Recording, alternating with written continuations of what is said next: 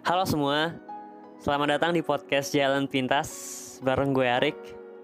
Gue merupakan seorang mahasiswa jurusan teknik fisika. Sebenarnya gue udah lama mau bikin podcast ini, ya baru kesampaian sekarang sih. Dan untuk kalian yang sedang mendengarkan podcast ini di mana saja, khususnya yang sedang dalam perjalanan dan sedang terjebak macet, podcast ini akan menemani kalian selagi menunggu kemacetan. Dan juga di setiap episodenya akan gue beri nama pintasan. Jadi pintasan satu, dua, dan seterusnya. So, enjoy the podcast. Dan terakhir pesan dari gue, semua ada jalan pintasnya. Asal lo tahu jalannya.